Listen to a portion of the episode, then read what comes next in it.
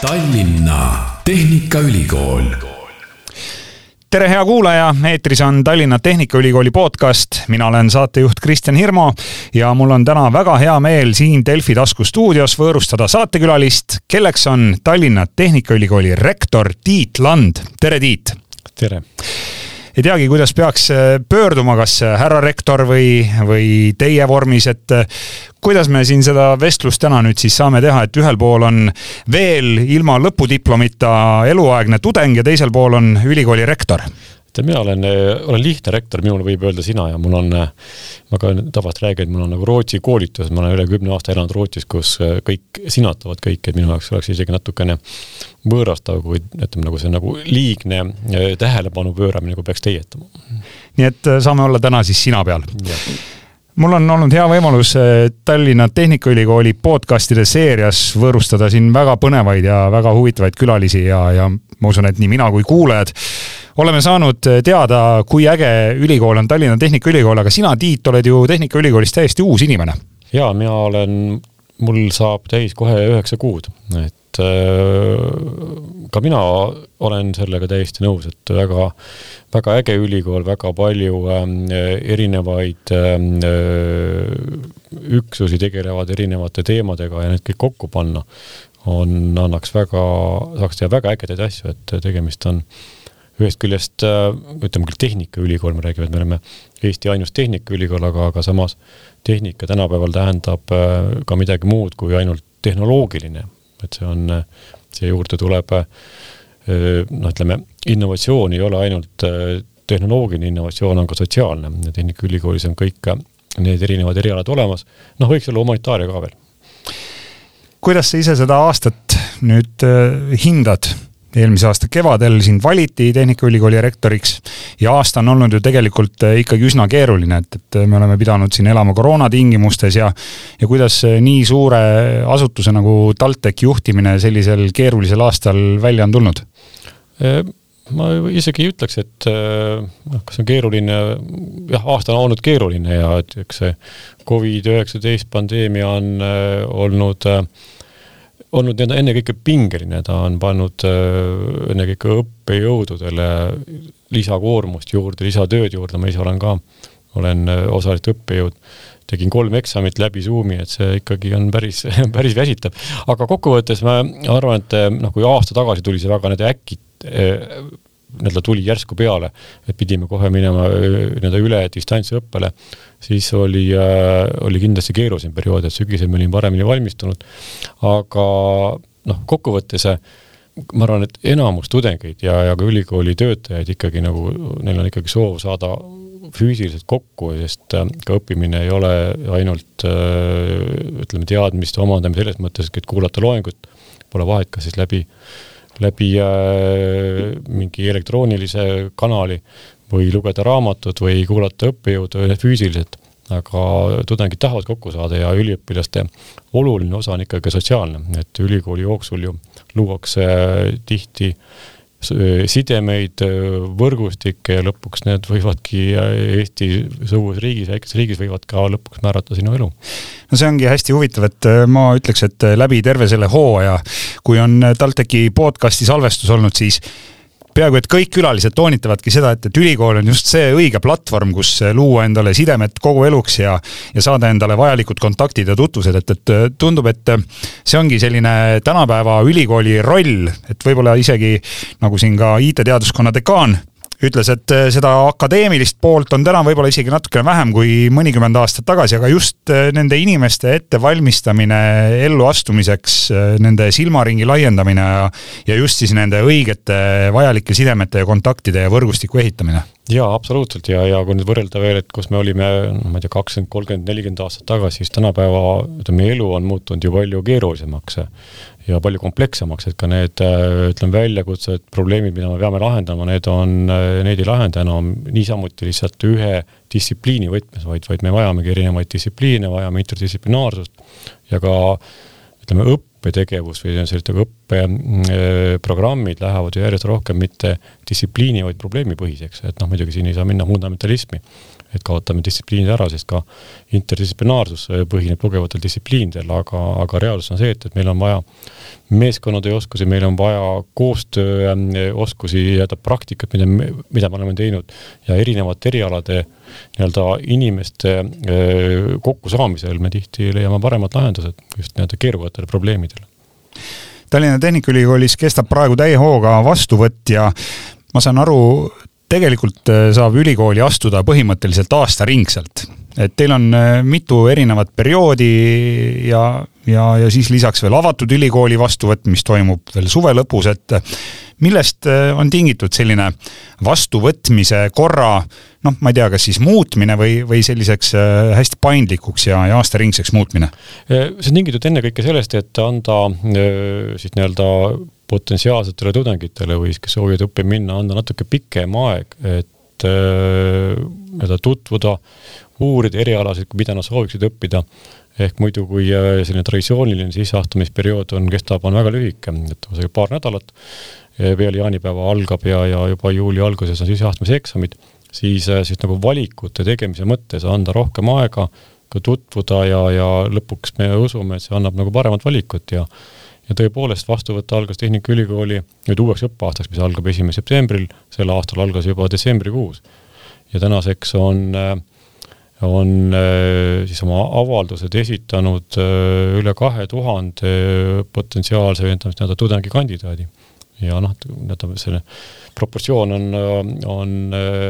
kaks kolmandik on bakalaureus, üks kolmandik on magister, selline nagu ka meil õpp, õppekavade proportsioon no me salvestame seda podcast'i maikuu lõpus ja minu ees ongi numbrid eilse seisuga. kaks tuhat nelikümmend avaldust äh, ja kas siin on ka selline tendents, nagu ma tean, ürituste promootorid alati räägivad sellest, et pileteid ostetakse kõige rohkem päev või paar enne, kui, kui sündmus toimub, et kas teil on ka see avalduste vastuvõtmise kõver nii-öelda tõuseb veel seal päris lõpus? jaa, kindlasti tõuseb ja, ja kindlasti tõuseb ta, see kõver hakkab tõusma väga järsult pärast äh, lõpuaktuseid ja kui algab siis ütleme paar nädalat enne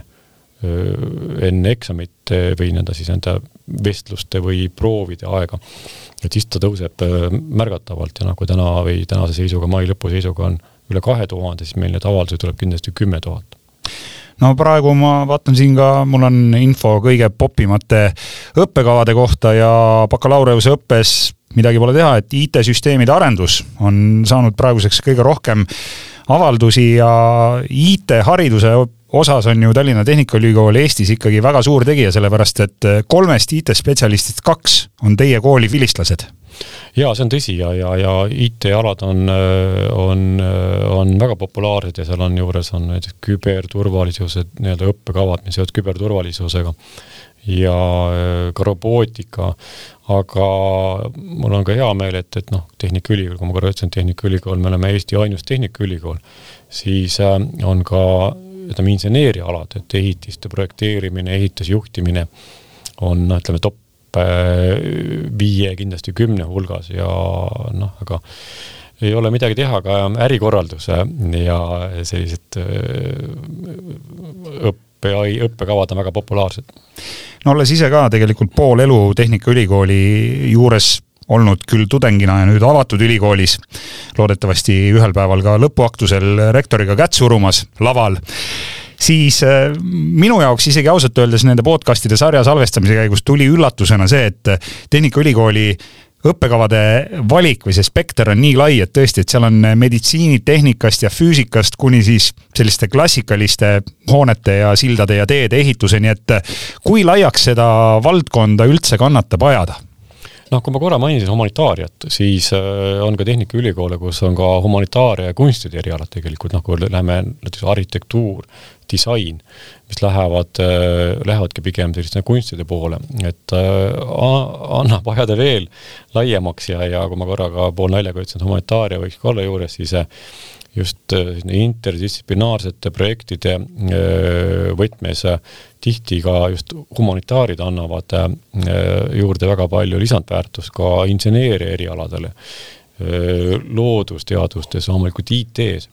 et äh, humanitaaria mingil määral oleks kindlasti, kindlasti nii vajalik kui ka kasulik. no samas võtame ka kasvõi näiteks juhtimine või, või haldusjuhtimine, see on ka selline küsimus, et, et kui palju on ta tehniline ala ja kui palju on see võib-olla üldse juba selline humanitaaria poole kalduv eriala? Ehm, jah, ta on pigem sotsiaalteadlased, aga jah, aga, aga tänapäeva erialad, et ma, et ei, me ei, ei peaks enam väga nii jäigalt neid nii-öelda panema raamidesse, et on väga kindlad distsipliinid, et nii-öelda edukad äh, tulemused, innovatsioon sünnib ikkagi nii-öelda erinevate erialade nii-öelda koostöös ja, ja isegi nagu nende üleselt. selle aasta kevadel toimus ka suur Tehnikaülikooli arengukonverents jälgisin seda ka poole silmaga ja seal oli ka väga huvitavaid vestluspaneele, aga, aga milline see Tehnikaülikooli areng üldse on, et, et kuhu suunda te tüürite? Kas on mingi kümne, kahekümne, viiekümne aasta plaan kuhugi paberile ka pandud?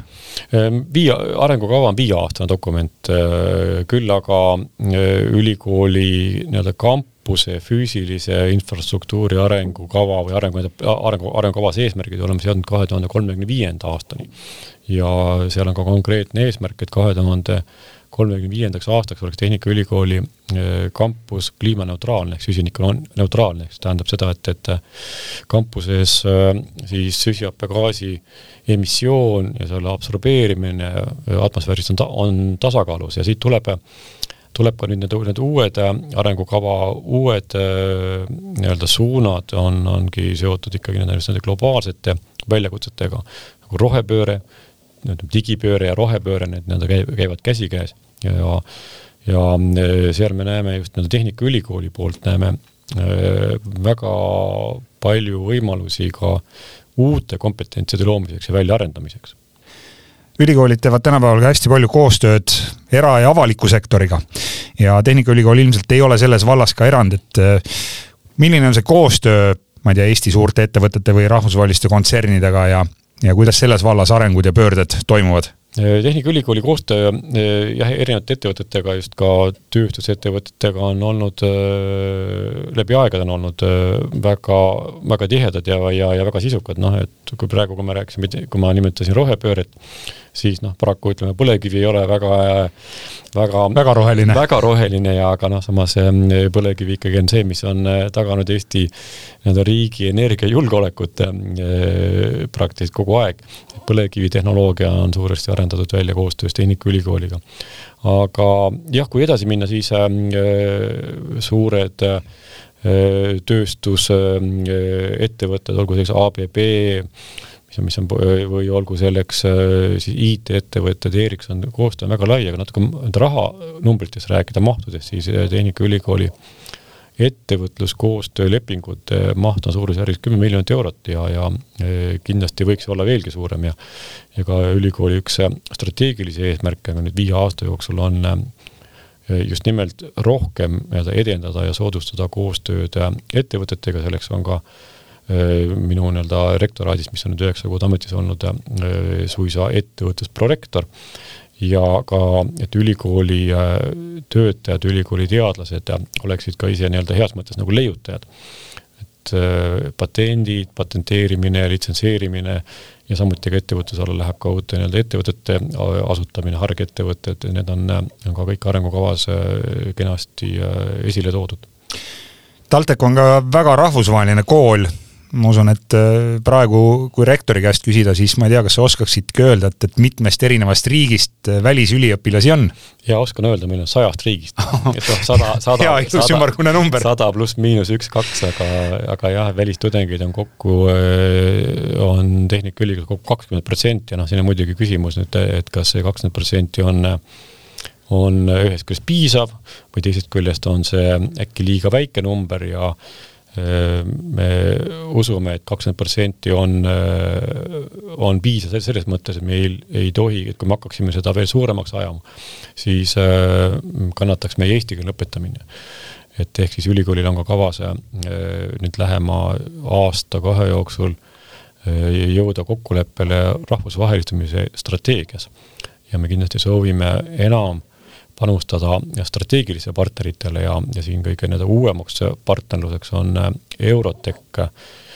konsortsium, mis on Euroopa ülikoolide võrgustikus, on ka Euroopa tehnika tipp ülikoolid ja noh, kas näiteks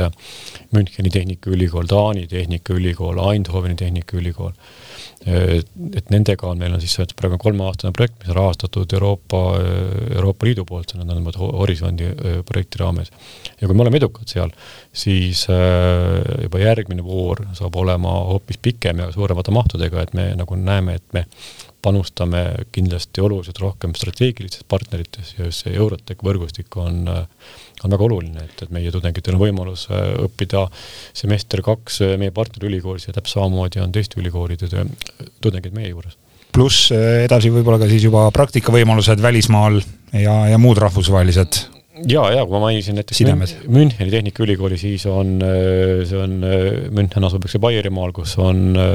väga suured ettevõtted, kas või niimoodi BMW või äh, tehnikaga seotud ettevõtted, see on see, meie mõistes on see ikka nagu väga suur võimalus. räägime natukene sellest ka, et, et mis saab Tallinna Tehnikaülikooli vilistlasest, siis kui ülikool on läbi, rektorilt on saadud käepigistus, lõpudiplom on nii-öelda tasku pistetud, et kuhu teie vilistlased edasi lähevad? Mida nad edasi teevad? Äh, enamus lähevad nendest tööle äh, ikkagi nendele äh, nii-öelda, nendesse valdkondadesse, mida nad on õppinud ja noh, et ikkagi reaalsus on see, et, et kuuskümmend kuni seitsekümmend protsenti meie tudengitest töötavad ju õppimise ajal. noh, see ei ole ka Tehnikaülikooli jaoks unikaalne, see on kõik, kõikides Eesti ülikoolides niimoodi. aga, aga just Tehnikaülikooli puhul on, et nad, enamus või paljud töötavad juba õpingute ajal just oma erialal. ja noh, IT on, on üks näide, IT-l on natuke teistsugune probleem, et et tudengid ei, äh, paljud tudengid ei lõpeta, seetõttu nad saavad juba pärast esimest kahte aastat saavad väga hästi tasustatud töö, neil ei ole motivatsiooni noh, sisuliselt edasi õppida ja, ja tööandja ka ei küsi, et, et näita mulle seda paberit, kus on kirjutatud peale diplom. aga kuidas siis ülikool motiveerib tudengit, et ta ikkagi oma õpingud lõpetaks? Jah, me, see ongi raske motiveerida, see on väga, väga raske küsimus ja see on tegelikult ka üks kõige, kõige valusamaid küsimusi äh, ka ülikoolide nii-öelda, nii-öelda sellise nii-öelda rahalise efektiivsuse mõttes, et kui ikkagi pooled tudengid katkestavad õpingu, siis on, on noh, ütleme, ühiskonna jaoks see pole raisatud raha, kuna kas või aasta või kaks õpinguid on, on ju igal juhul kasulik, aga, aga ülikooli jaoks paraku äh, on see probleem, et on motiveerida on raske, aga see on ikkagi, me tuleme tudengitele vastu äh, väga palju, et meil on nii-öelda, oleme paindlikud äh, õppeaegade suhtes, kuna paljud tudengid töötavad, siis tihti on näiteks magistri nii-öelda õppeained või loengud ja praktikumid on pigem õhtupoole, kui tööaeg on läbi. Ja läbi õppeprogrammide juhtide sellise isikliku motiveerimise, et see ka aitab no hästi palju on räägitud sellest ka, et, et TalTechi lõpetajad on keskmisest kõrgema palgaga, kas see vastab tõele ja, ja kui, siis miks see nii on? jaa, see vastab tõele, selle kohta me, me kogume andmeid, enda Statistikaameti andmeid ja need andmed tulevad lõpuks ju Maksuametist ja see vastab, vastab tõele. ja eks see ühest küljest ka peegeldab ka just Tehnikaülikooli nii-öelda erialasid, et kui me ka vaatasime, mis on, mis on kõige popimad, ega siis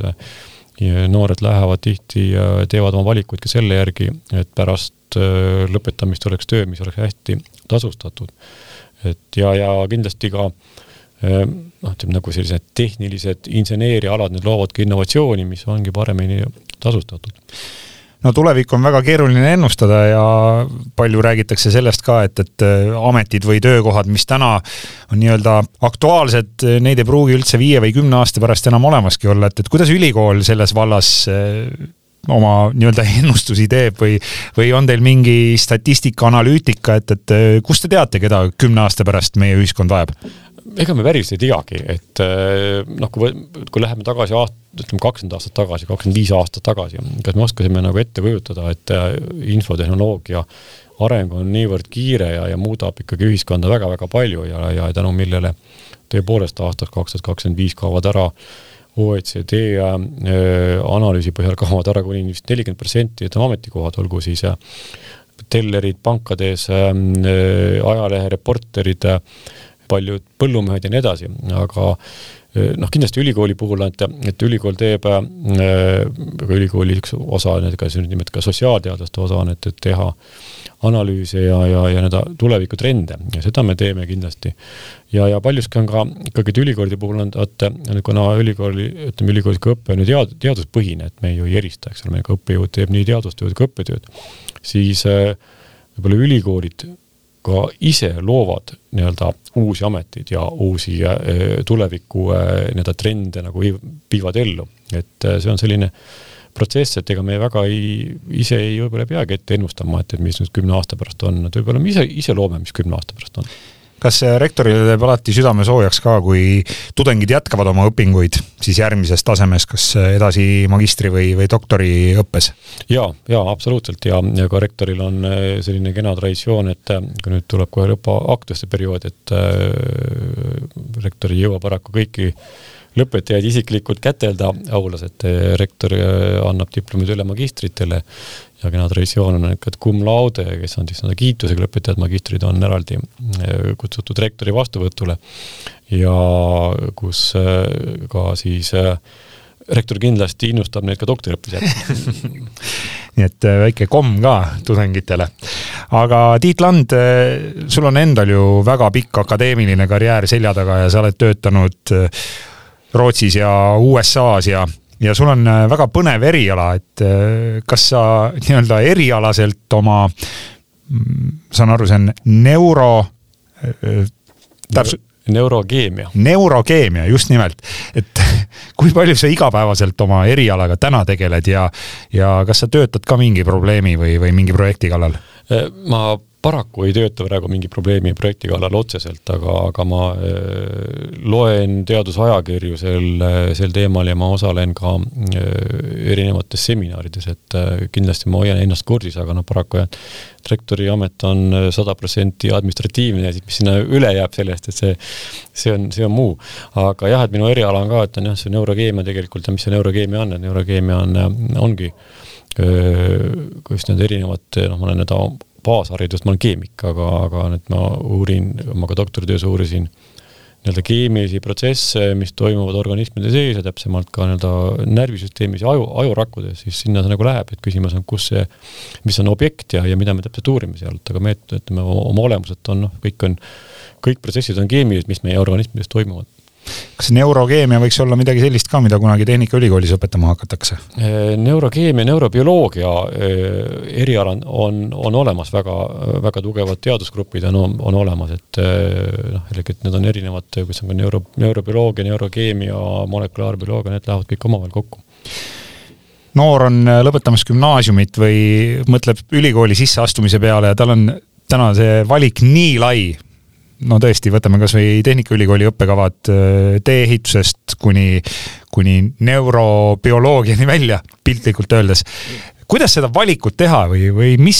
mis võiks olla noorele selline, selline õlekõrs, et kui ta, kui ta tahab seda õiget valikut teha, et, et kust ta teab? Ehm, see on, see on nagu väga hea küsimus, et, et ma ei oska öelda statistiliselt, et mina nagu soovitaks, ma mõtlen, et kuidas mina sattusin just selle nii-öelda, et ma läksin õppima keemiat ülikooli ja, ja kuidas ma hiljem siis sattusin biokeemia peale, et ähm, see on ikkagi nagu, see on inimese või ta noore, mina soovitan minna õppima seda, mida peab olema kindel tunnetus või endal arusaam, et, et, et see on huvitav sest ka õpingute eduka läbimise üks eeldus, noh, võtame kõrvale, kui jätta kõrvale, et eh, muud takistused, et eh, olgu siis need eh, perekondlikud või, või olmelised, aga ikkagi on see, et peab olema motivatsioon õppida. motivatsioon õppida on siis, kui ikkagi enda jaoks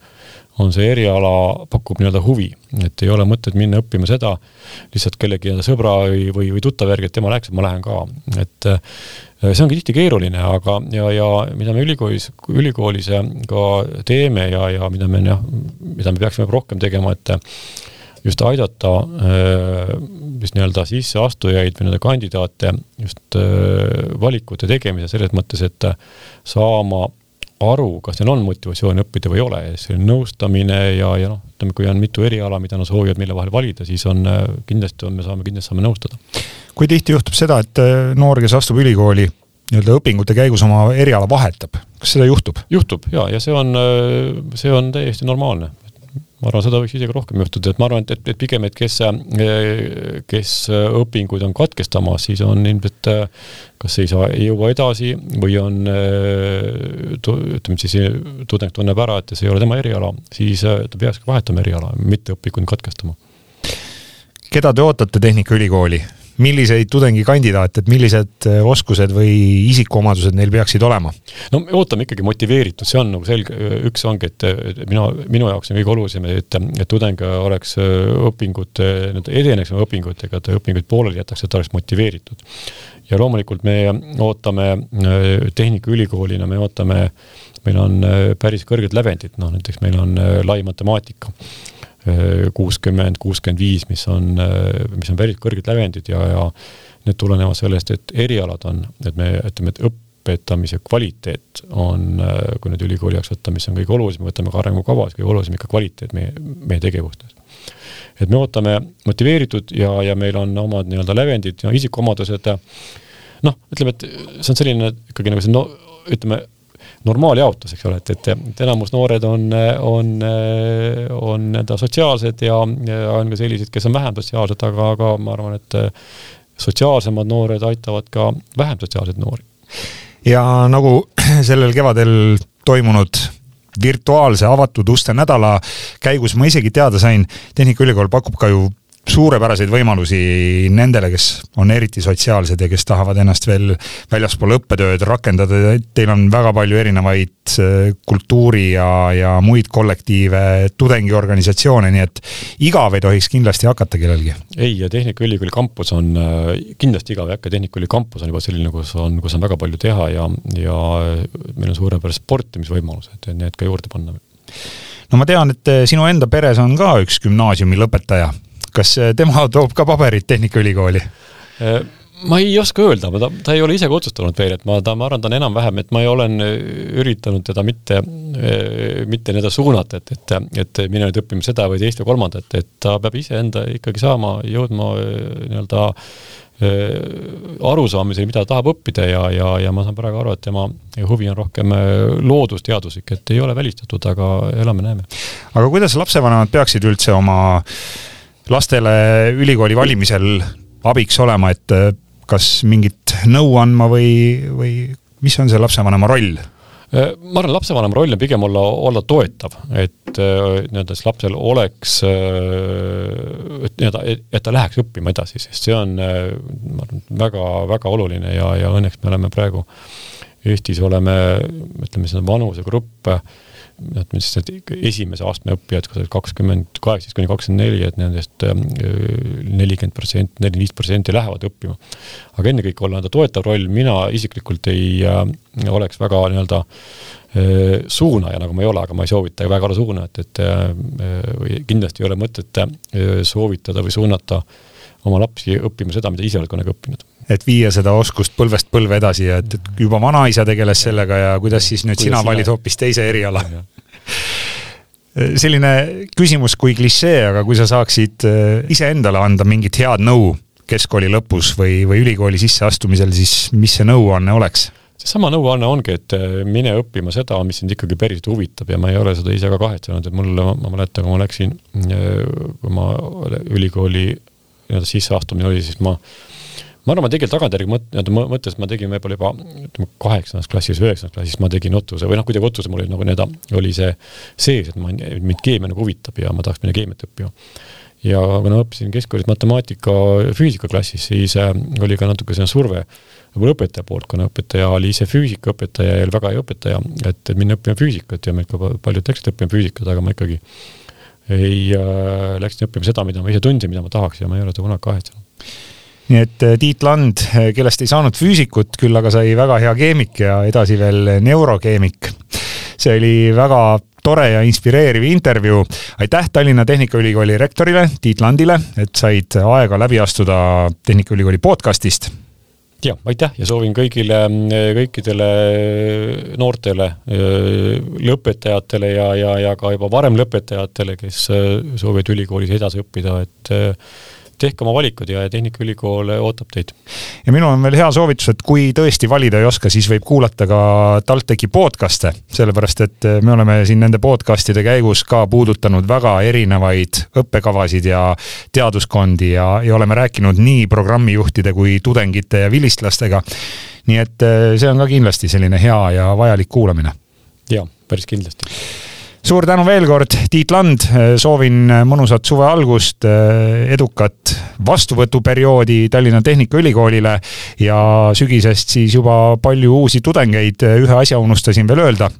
ma pean ikkagi seisma ka oma enda õppeüksuse ehk avatud ülikooli eest ja avatud ülikooli vastuvõtt algab alles suve teises pooles, augustis. Nii et Tallinna Tehnikaülikooli koduleheküljelt saab igaüks vajaliku informatsiooni ja aitäh sulle ka, kes sa kuulasid ära tänase TalTechi podcasti, selle leiab Delfi taskulehelt tasku.delfi.ee ja loomulikult ka Spotify'st, SoundCloud'ist ja iTunes'ist. mina olen saatejuht Kristjan Hirmu ja püsige terved.